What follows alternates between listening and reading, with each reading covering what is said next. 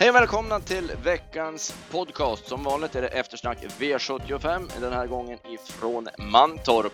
Efter det går vi igenom eh, det sportsliga som hände under förra veckan. Det var ju mycket både här hemma i Sverige och även i Frankrike. Blicka framåt mot onsdag och lördag.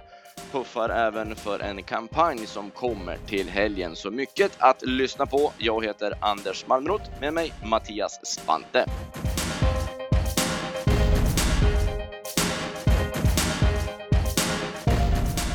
Ja, Mattias, du satt i helgen och jobbade åt oss. Vi börjar med V75 direkt ifrån Mantorp.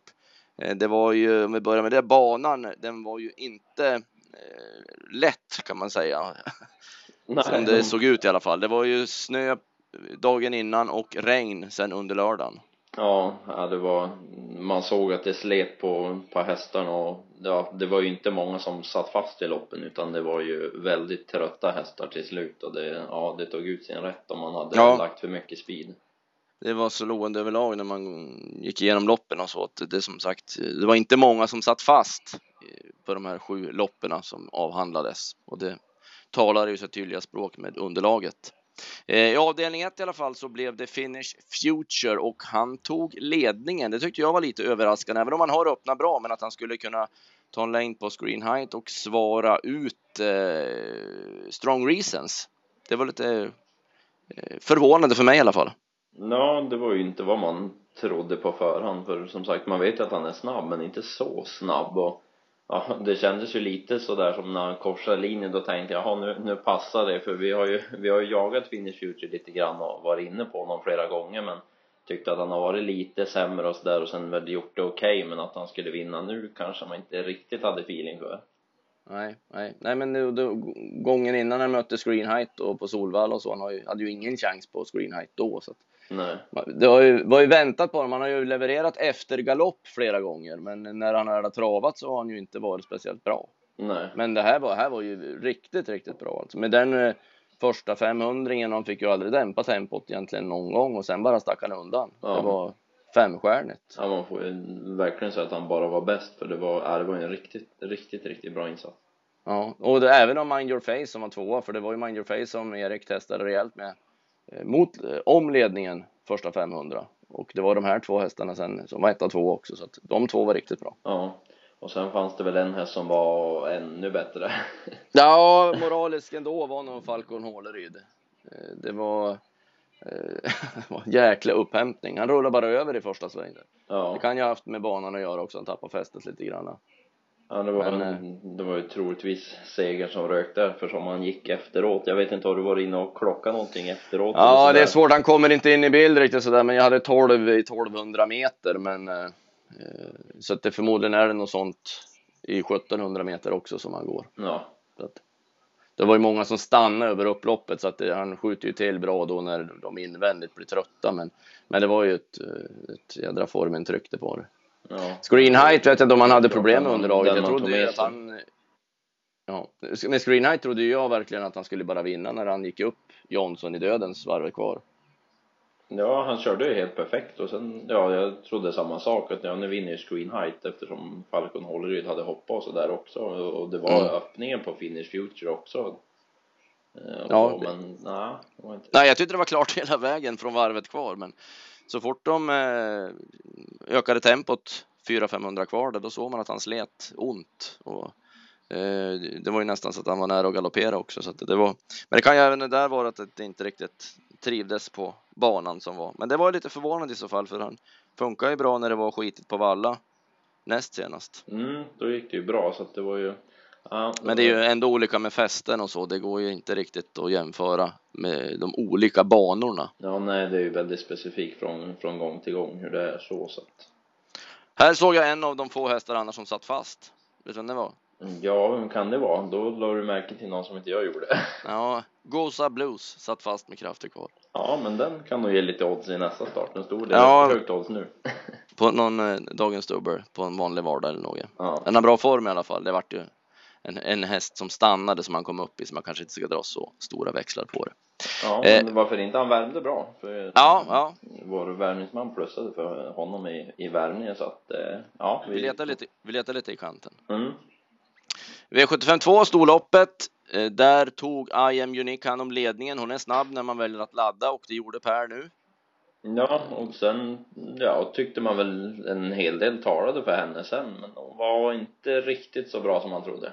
Nej, PA eh, som eh, gjorde värmningarna åt oss, han hade pratat med Lennartsson efteråt också och han var inne på att det hade blivit lite för långt mellan starterna. Att hon behövde det här loppet i kroppen.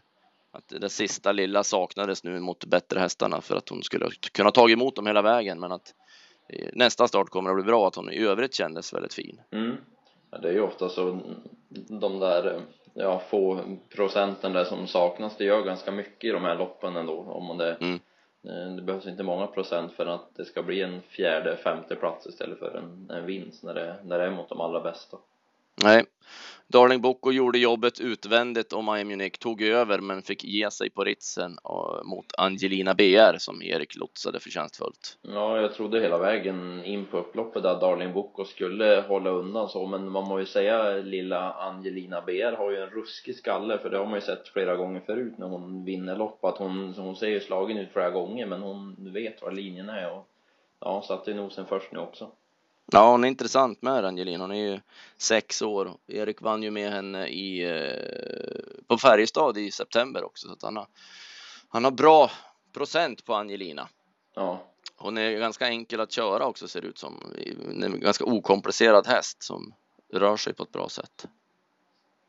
Roggiada Direx går bra varenda gång utan att hon vinner, men hon gick bra som trea. Ja, det är bra form på henne och Sen i övrigt bakom var det väl, ja i och för sig här var väl lördagens märkligaste insats var väl Hanky Panky Pagan för där stod ju något verkligen inte rätt till. Jag vet inte om du har pratat något med Björn men Nej, jag har inte gjort det men hon stannade ju helt. Ja, Bara, vet inte vad som felfri. Jag, jag var nästan orolig hon skulle ramla ihop där på banan eller något för det var ju ett sånt intryck på henne där att det Ja, ja, så. ja det såg märkligt ut.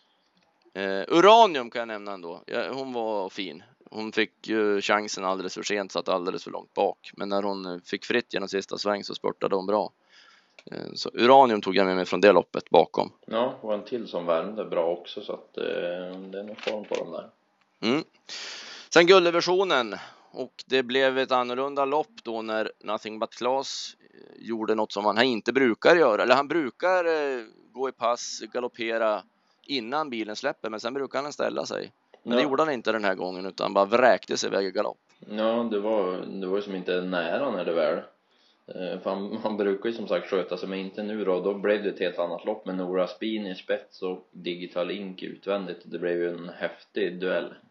Ja, det blev det verkligen. Även här så när Digital Link kom upp utvändigt som Nora Spin så kändes det klart, tyck, tyckte jag. Sen blev man ju brydd där då in i sista sväng. Då tappade han travet. Det var inte långt ifrån eh, galopp i det läget. Men Örjan känner ju det här och plockar ju upp honom och vet att han har en växel kvar bara han kommer in på rakan. Så det är ju det är ett snyggt kuskarbete. Även om Digital Link är väldigt bra så en annan kusk skulle kunna köra galopp i det läget. Ja, och sen ja, mitt på upploppet då då får man den feelingen att ja nu vet man vart det slutar Örjan, ja. Örjan brukar vara säker om det lägen och ja, Ink var ju först också det är skönt tycker jag ändå att se nu med Inken att det är han som sätter nosen först i de här det har vi pratat om förut också. Jag var lite brydd ett tag där sista 50. Han fick ge sig några gånger eh, hur, hur det var ställt med moralen på honom efter alla tuffa lopp han har fått. Mm.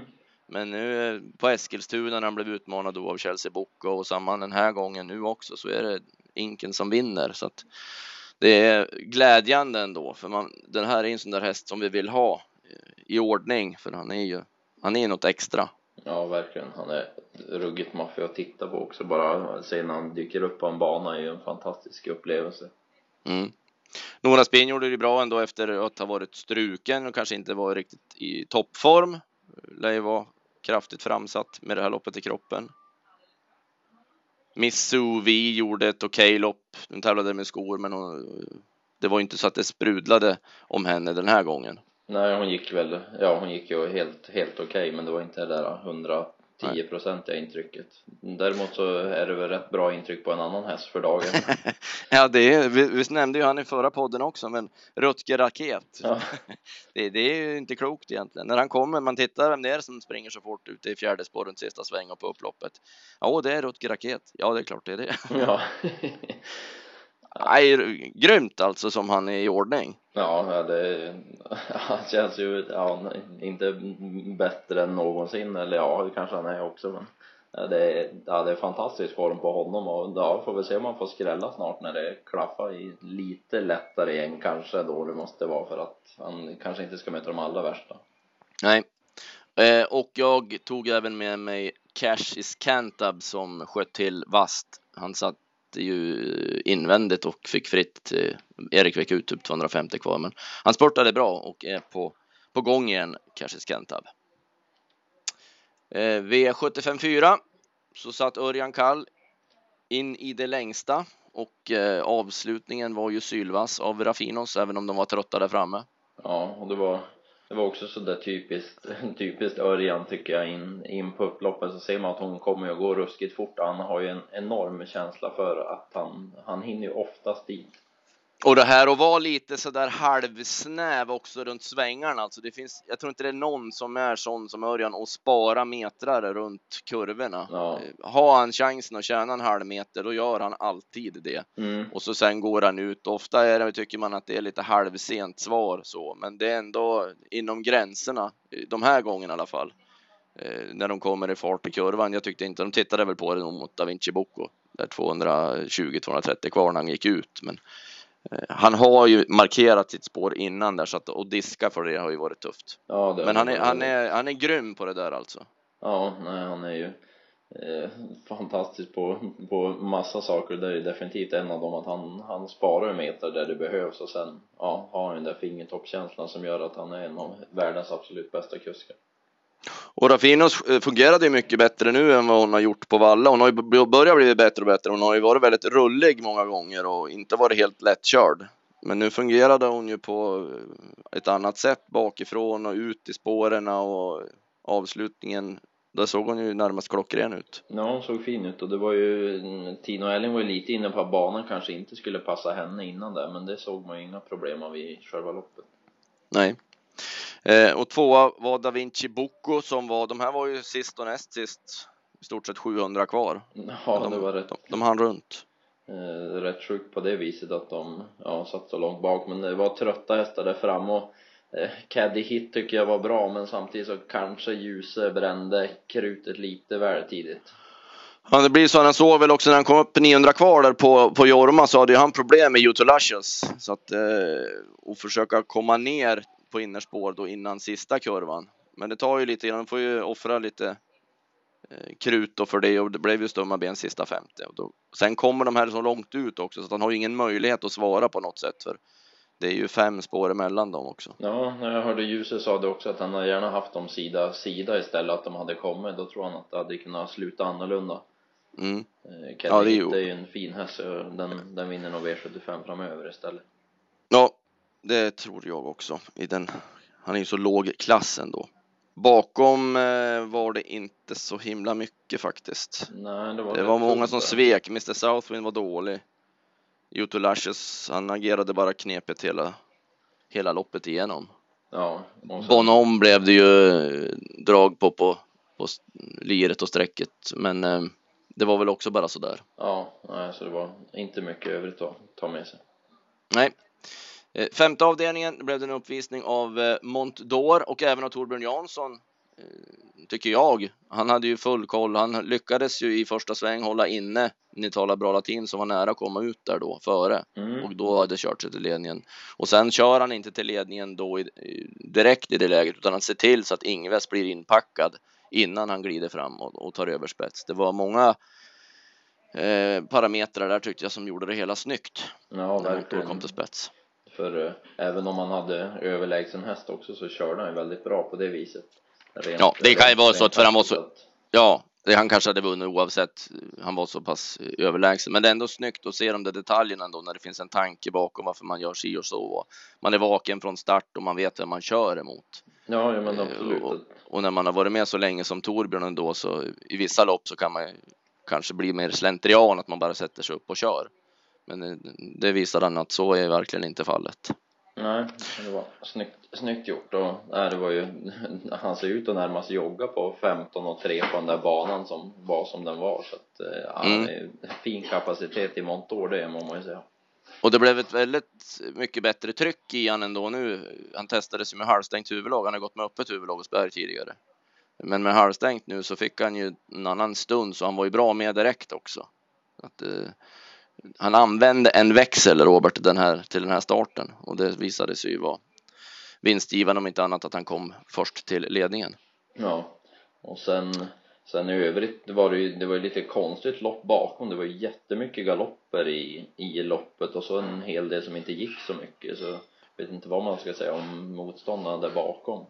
Nej, det var sju, det var över hälften som galopperade. Ja, Eh, Jag tror det var sju stycken som hade galopp i, i, under loppets gång, så det, var, det, var, det var märkligt. Och ni talar bra latin, han, han fick ju aldrig chansen. Han, han, han, han hade hästar runt omkring sig sen loppet igenom, eh, så han hade ju allting sparat i mål. Men han är ju speciell, för hade han varit körbar till fullo så hade ju Ingves kunnat ta ut han i första sväng, men han, han är lite för entömd så att det gick ju inte att uh, bryta loss han i det läget. nej. Så det är någonting som stör han lite grann. Får han springa i spets och på innerspår så då är han ju i, form, i orkesmässigt för att vinna lopp. Men eh, han har besvärligt bakom hästar när det, måste, när det krävs någonting. Ja, jo, det är så det är lite av hans nackdel tyvärr. Furyk tycker jag ändå är värd att hålla fram. Han får ju ett otacksamt lopp utvändigt utan rygg hela vägen och han är ändå trea i mål. Ha- Hade det inte blivit galopp på honom där kort efter start så hade ju han suttit i ledningen och jag tror inte han hade gett ifrån sig spets. Han var väl den som kanske kunde ha bjudit strid. Ja, det var väl den som man tyckte var, det var, blev ju som ett helt annat lopp för honom men vad som, vi trodde att han skulle komma till spets och det hade varit kul att se honom där men eh, han får nog vinna lopp framöver istället då. Det gör han med garanti. Sen, Och sen får jag hoppas bara att referenterna slutar kalla han för förryck. Det låter ju fan inte klokt alltså. nej, det är inte så snyggt. Nej, nej, de kan slå på någonting i alla fall så att jag vet att det är Furyk efter Jim Furyk som är en väldigt bra golfspelare. Ja, tycker man kan nämna också Kassir de Bob som var tvåa. Det är ju en sån där riktig hedershäst tycker jag. Han tjänar ju pengar nästan jämt han startar. Eh, Mm. Han kanske inte vinner så himla ofta men han gör det ju väldigt bra. Jag vet inte hur många starter i rad han har sprungit in pengar men det känns som att han gör det jämt i stort sett. Mm. Det är en, man brukar slänga sig med hedershäst hit och dit, men det här börjar snart bli det. Mm. Eh, sjätte avdelningen fick vi se en eh, taktisk finess. Såg du när Erik slängde ner Melby Brunell och direkt bilen släppte. Snacka om att ha koll på bitarna. Ja, ja, det var roligt. Vansinnigt snyggt alltså. Han visste att han var snabbare än Usain Henna från start. Skulle inte ge Kickan Skull eller någon annan chansen att få ryggen på impression utan pang satt han i i ryggledaren direkt bilen släppte i stort sett. Ja, ja, det var ju riktigt snyggt gjort och det, ja, direkt när han satt där i ryggledaren då fick man ju plötsligt feeling att ja, nu kanske Melby Brunello vinner det här med, med lucka och det blev ju exakt så också. Ja, för, för hans del blev det ju lämpliga hästar som eh, hamnade utvändigt också. Till slut så var det ju Ohana SM som landade där då efter tredje spår i 800 meter i stort sett. Att det vet man det håller ju inte för henne då så att luckan kommer att komma. Det var ju otacksamt för Claes Svensson. Han såg ut att sitta med allt och loppet i sin hand runt sista sväng Mm. och så sen känna att nej, jag kommer ju aldrig kunna hålla inne Erik och måste köra undan. Och så blev det snop, snöplig galopp. Även om det var stod och vägde så var väl känslan ändå att Eriks häst gick så pass mycket fortare då att han hade vunnit ändå. Men tight var det ju och det var ju en andra plats och en finalplats som förmodligen rök för impression så det är ju givetvis jättetråkigt för Claes. Ja, ja, det är lite surt när man ja, åker dit och så sen Ja, han får gör det. ju allt rätt så, men han har ingen möjlighet att som rädda situationen för de kom ju ändå där ute också och han SM stannar så mycket så att det går inte att göra någonting åt det hela. Nej.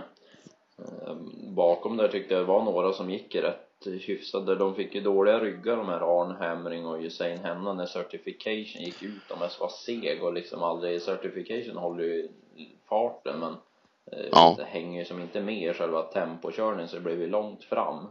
Ja, det var det. De, och så sen när det kommer loss en häst och invändigt så är de chanslösa. Då, då rinner de ju undan framför. Så att, nej, de gjorde bra prestationer. Ja, gjorde de. och sen Och- Nelly Burge efter galopp måste man ju nämna också. Den, eh, den har bra form. Det var väl den jag tog med mig från omgången sådär som jag Verkligen. gillade. Jag tyck, tänkte också på en häst som heter Kemas Winnie. Som jag tyckte såg väldigt fin ut. Hon fick eh, aldrig riktigt chansen. Örjan höll på och letade lucka utvändigt, invändigt. Fick till slut ta ner invändigt på upploppet. Och hon var långt ifrån tom i mål och hon startade ju på lördag. Eh, V75 6 från innerspår. Så det tycker jag man ska ta med sig när man börjar kolla på det loppet eh, närmare helgen. Mm. V75 7 och här var det en till kusk som inte hade så mycket att eh, göra utan bara ja, snopet givetvis för Peter Ingves med Västerbo on the news som även han såg ut att ha loppet i sin hand efter att eh, snabbstartat till spets. Ja, det låg ju som, ja, det var ju bäddat för honom då, men ja, det är som du säger, han hade ju som inte heller något val där när eh, det var väl Rafolo som hoppade in på, in på Ja. upploppet. Han har ju allting klart och så eh, tappar Rafolo stilen och galopperar och så får Fleetfoot över luckan och slår av strax innan mål. Eh, så det är ju också sånt där, sitter man kvar med Västerbonde News och ska få lite kassa då blir man lätt frustrerad om man är mild Ja, verkligen. när sånt inträffar. Ja, är det just när man ja, inte kan göra något måste ju vara det värsta feelingen. Nej, nu, nu går det här åt skogen tyvärr. Mm. Fleetfoot Hanover gjorde ju, ja, hon var ju skyldig att vinna i stort sett och eh, det kändes som att Peter laddade ju inte järnet från början utan han var nöjd med rygg på Ingves nu när det var full väg och lite besvärliga förhållanden. Ja, jag fick också lite den feelingen att han tyckte att nej, jag kanske kör i rygg. Han tyckte att hon var lite väl laddad i värmningen också och det kan ju säkert ha påverkat. Ja, ja för allra bäst är hon ju på 1600 meter men hon gjorde det bra och vann silver i alla fall nu. Bakom så tyckte jag att Nagloder Naglo der Nord såg jättefin ut men han hade ju jordens otur och hade konstiga ryggar som skulle ut och vingla framför eh, och ja, hade ingen möjlighet att komma in i loppet men avslutningen var bra och han såg väldigt fin ut hästen. Ja, han såg, såg bra ut och sen Royal Fighter hade man ju bakom där också som ja, det blev ju inte mycket till, till lopp för, för Royal Fighters del. Det var hur mycket hästar i vägen som helst och tycker väl att Jennifer kanske skulle ha kastat invändigt där för det var ju ingen häst som gick på innerspår i stort sett utan alla ville köra i andra spår Mm. eh, Men hon gjorde det ändå, hon räddade lite grann tyckte jag ändå, då 500-600 kvar för Naglo del Nord fick, han fortsatte han utvändigt men då kände hon ju att nej det kommer inte gå för Blue Rocket var ju framför också och var i vägen. Att eh, oavsett om jag vrider på här nu så kanske jag så bäst blir femma. Men då gick ju hon invändigt och sparade sin häst istället till eh, finalerna. Så att till summa summarum så fick hon en häst som såg väldigt fin ut och hade allting kvar i, i mål. Så med ett bättre läge till finalen så är Royal Fighter att räkna med. ja det blir han och sen får vi väl nämna vi trodde en hel del på Västerbo High Flyer här men han var ju slagen tidigt och det var ju det var en av de som jag var absolut mest besviken på den här lördagen även om han fick döden så var han ju slagen 800 kvar även om han hängde med hyggligt en bit till Mm. Ja, han, var, han var sådär seg som man kan vara ibland nu, men inte har varit, tycker jag, de här Gävle och Solvalla starterna innan. Utan de har ju varit uppåt med nya huvudlaget och så, men nu var han sådär tråkig igen. Men det är svårt att dra växlar med, med det, när det är lite knepigt under hovarna också. Vissa passar bättre på det och vissa kan floppa helt. ja det är ju det man brukar säga ibland att en del som har startat nu kommer ut i nästa start och är lika, lika bra igen fast de har varit dåliga gången innan nu då på knepig bana så att man ska nog inte ta så hårt på vissa prestationer Nej.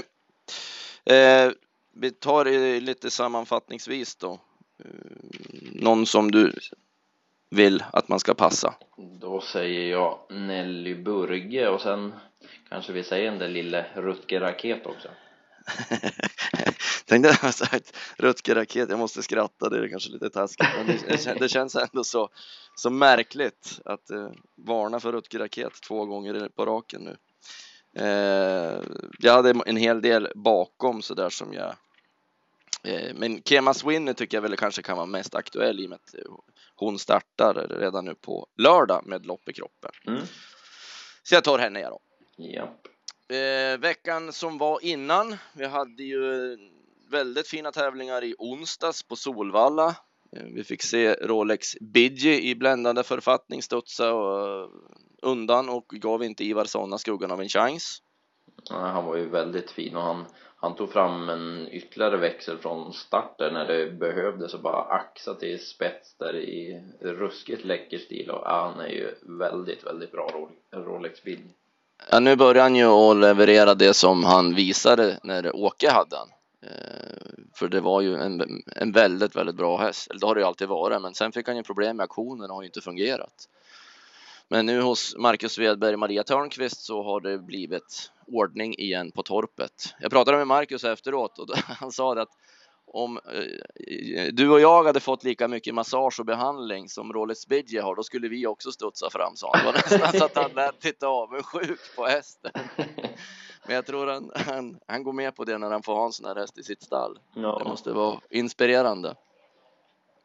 Eh, och sen hade vi ju även Frozen som vann eh, på Åby och ja, det, vi har ju sagt allt som går att säga egentligen om den här hästen, vilket monster det är. Ja, det, det är, ja, man vet inte vad man ska säga snart. Det, han ser ju så fantastiskt bra ut och det blir ju spännande finaler på Valla som, som väntar. Ja, det är bronsfinal. Vi nämnde ju Falcon Håleryd där nu i, i eftersnacket, V75. Uh, han är ju i bronsfinal, mm. men det blir Frozen mot Loverface den 26 på Solvalla final en annan dag. Det är ju en galen duell egentligen. Ja, ja, det, ja, det kommer ju vara det brukar vara bra lopp den där men frågan är om inte det på förhand känns som absolut bästa. Och det är lite häftigt ändå, lite kuriosa ändå, för Frozen var ju med i senaste finalen på Solvalla i brons och fick stå stryk på linjen av en annan Veijo-häst, Riff Kronos. Mm. Nu är han kvar i klassen med Frozen och får ta ett nytt nappatag. Då kommer Veijo med en ny häst i Loverface. Ja, ja det, är, det är smått sjukt när man tänker på det, att det kan vara, vara så egentligen, men det, Eh, ja, det, det ser man ju verkligen fram emot. ja, det kan man lugnt säga.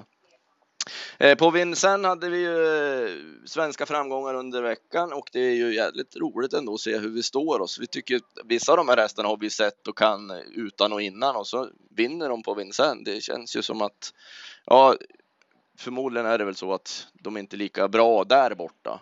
Men eller så har våran klass här förbättrats så avsevärt. Men det, måste, det kanske ligger någonstans mittemellan. Men när Gitano vinner på det sättet som han gjorde igår. Han gjorde ett jättebra lopp och Jos Verbeck körde ju helt perfekt. Eh, men, och Joker Stursk förra helgen. Det är ju ändå sådana hästar som är invanda här i vårt V75-system.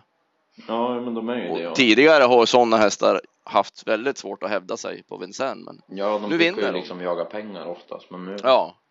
Och Prince de Poggio hade ju i stort sett lekstuga med Perfect Power som tvåa. Ja. Så att de måste nog fundera lite grann där nere. Det är jäkligt roligt ändå. Det, det blir ett helt annat stunds i vintermeetinget också på Vincennes. Ja, och det följa. känns som fler tar vi... chansen också. Ja, verkligen. Och det hade ju blivit en dubbelseger för Berg igår om inte Udos Euler hade galopperat mitt på upploppet. Men det var näppeligen Udos fel som det såg ut här i alla fall ifrån. Nej, det kändes inte riktigt så. Nej, och på tal om Berg så fick ju han lite smolk i bägaren. Han vann med Cashem i fredags på Bergsåker som eh, var väldigt bra, men han åkte dit för snäv körning i det loppet och blev avstängd över finalerna på Solvalla den 26. Ehm, och det svider förmodligen, men han har ju han har ju Torbjörn Jansson att sätta upp. Så att... Ja, han har ju bra, bra form på kuskandet Jansson, så det, det blir nog bra ersättare. Ja. Lannemselje, vad tyckte du om henne? Ja, hon, det är också en sån där fantastisk häst. Ehm, ja, frågan är hur många raka det blir innan, innan det är klart. Ja, det blir väl när hon möter eliten och får ett dåligt spår eller någonting. Ja. Då blir det tuffare. Men 28 raka har hon nu i alla fall. Eh, puffar för våran eh, julkalender som rullar vidare. Travhjulen.se. Där kommer en ny fråga varje dag med priser i form av krediter på travtjänsten.se. Eh, och varma mössor som kan behövas nu när det är skitväder varenda dag. Vi kommer även till helgen att ha en julkampanj på travtjänsten.se med erbjudande inför eh, de olika V75-omgångarna. Vi har ju V7 nu på lördag 20, sen har vi V75 den 23 på Gävle, den 26 på Solvalla och sen den 28 på Örebro. Så där kommer ett paket att dyka upp erbjudandesvis. Sen blir det spännande att se ikväll vart man landar. Halmstad ska ju testa ett nytt koncept ikväll. Eh, rappa upp tävlingsdagen. Ja. Man ska ju korta ner tiden mellan loppen efter att V64 börjar. Ja, det ska bli det, intressant att se. Ja, mycket. För det är ju det. Själv är man ju ingrodd eh, och ser tävlingarna som de alltid har varit, så jag tänker inte så mycket på det. Men när man har med sig någon som inte är det, eh, invan travtittare så, så tycker de att det tar ju alldeles för lång tid mellan att det händer någonting. Mm. Så att det, det, känns åt det hållet vi måste gå om man ska kunna ta med sig någon kompis utanför travvärlden. Så att 21.25 är det just tänkt nu att tävlingarna ikväll på Halmstad ska ja, vara klara. Det låter ju som ett hedervärt projekt i alla fall. Ja, verkligen, för det är ju rätt stor skillnad om man ser till hur det brukar se ut. Så att, eh, ja, intressant att se hur det funkar. Vi har en eh, tvåårsduell på Solvalla onsdag. Du får eh, säga vem du tror vinner. Vi har eh, vinterfavoriten och det är Sykre eller Exid GT. Du får inte välja på någon annan. Du får välja mellan dem. Då säger jag Sykre. Då säger jag Exid GT. Ska vi... vi säga en lunch eller? Ja, absolut. Första mål av de två ja. får en lunch av den andra. Det tycker jag vi kör på. Det blir alldeles, alldeles perfekt. Jag kan redan nu känna hur det vattnas i munnen. Jag tror jag tar det här på Lucky House i Bålsta. eh, Japp. Gulddivisionen lördag. Vi nämnde ju ingenting om Knows Nothing från i onsdags, men vi sparade han till eh, att prata om honom nu. För där visade ju Ray upp den eh, nya amerikanen i hans regi. Och vilken debut för honom. Ja, det var sättet han klev förbi över över upploppet. Det var länge sedan jag blev så imponerad av en häst just från ja, från det man hade sett i kvalet till det han visade nu när, när Örjan styrde på där. Det var ju ruskigt häftigt. Ja, det var det verkligen. Jag var ju också lite, såg ju också kvalet och man tog ju verkligen till sig hästen och vilken modell och allting sånt. Men han var ju som sagt rätt stor i kroppen och man tyckte ju att det var lite sekt och att det behövdes, borde behövas mera lopp i kroppen innan han var på den här nivån redan. Men det var, ja, det var imponerande. Just på sättet han bara klev förbi på upploppet. Ja, det var det. Och nu gör han då gulddebut på lördag från Sport 2. Mm. Och han blir någonting för de andra att uh, sätta tänderna i. Ja, det var ju passande läge och litet fält och så. Även om man mötte ju Harry Hatro, Dreams Take Time och så Cashis Cantab som, som du nämnde också tidigare. Där. Och Åby-specialisten Arazzi Boko. Precis. Eh, men det känns ju som med loppet på näthinnan och lite framflyttad med tio dagar framåt på Nose Nothing så blir han svår att slå för de andra. Ja. I och med att man vet att han har en, han var ju väldigt startsnabb tidigare. Eh, så att det finns ju en polett till om Örjan vill bruka den och kanske bli släppt i spets. Det är i alla fall på lördag och sen har vi även en återkomst som vi ska ta ställning till. Det är Aga Khan Boko i V75 1 som är tillbaka efter ett års frånvaro. Och eh, ja, samma här. Jag såg han i kvalet. Han kvalar på 17 och 3, men eh, känslan var ju när jag såg han då att han kommer nog behöva minst ett lopp i kroppen innan det är segeraktuellt. Men han, Timo kanske har trimmat på, eller förmodligen extra med mycket efter kvalet så att han är i ordning nu när han tog ut honom på V75 direkt, för det är inte så vanligt ändå. Nej, och särskilt när han tog ut honom på 1600 också var ju lite ja. intressant. Ja, egentligen, jag tror ju det är hans grej ändå, mm. Aga Khans, som kommer att bli nu, för han har ju blivit sju år gammal, att det är en, en ypperlig sprinter. Men han får det han gör nu, han ska ta emot Mr Pellegrino från start, men eh, då har vi något att, att klura i på till veckan. Ja, mycket spännande vecka. Ja, Travtjänsten.se alltså är det mycket som händer. Eh, onsdagstipsna släpps eh, klockan 14. Sen återkommer vi då med en julkampanj som släpps eh, torsdag kan vi i alla fall säga. Och sen har vi V75-tipsen då till Åby fredag klockan 15. Underhåll er under tiden. Gå in på travhjulen.se och svara på våra travanekdoter. Det var allt vi hade den här veckan. Tack Mattias! Tack själv! Ha det gott allihopa. Bra spelvecka. Hej!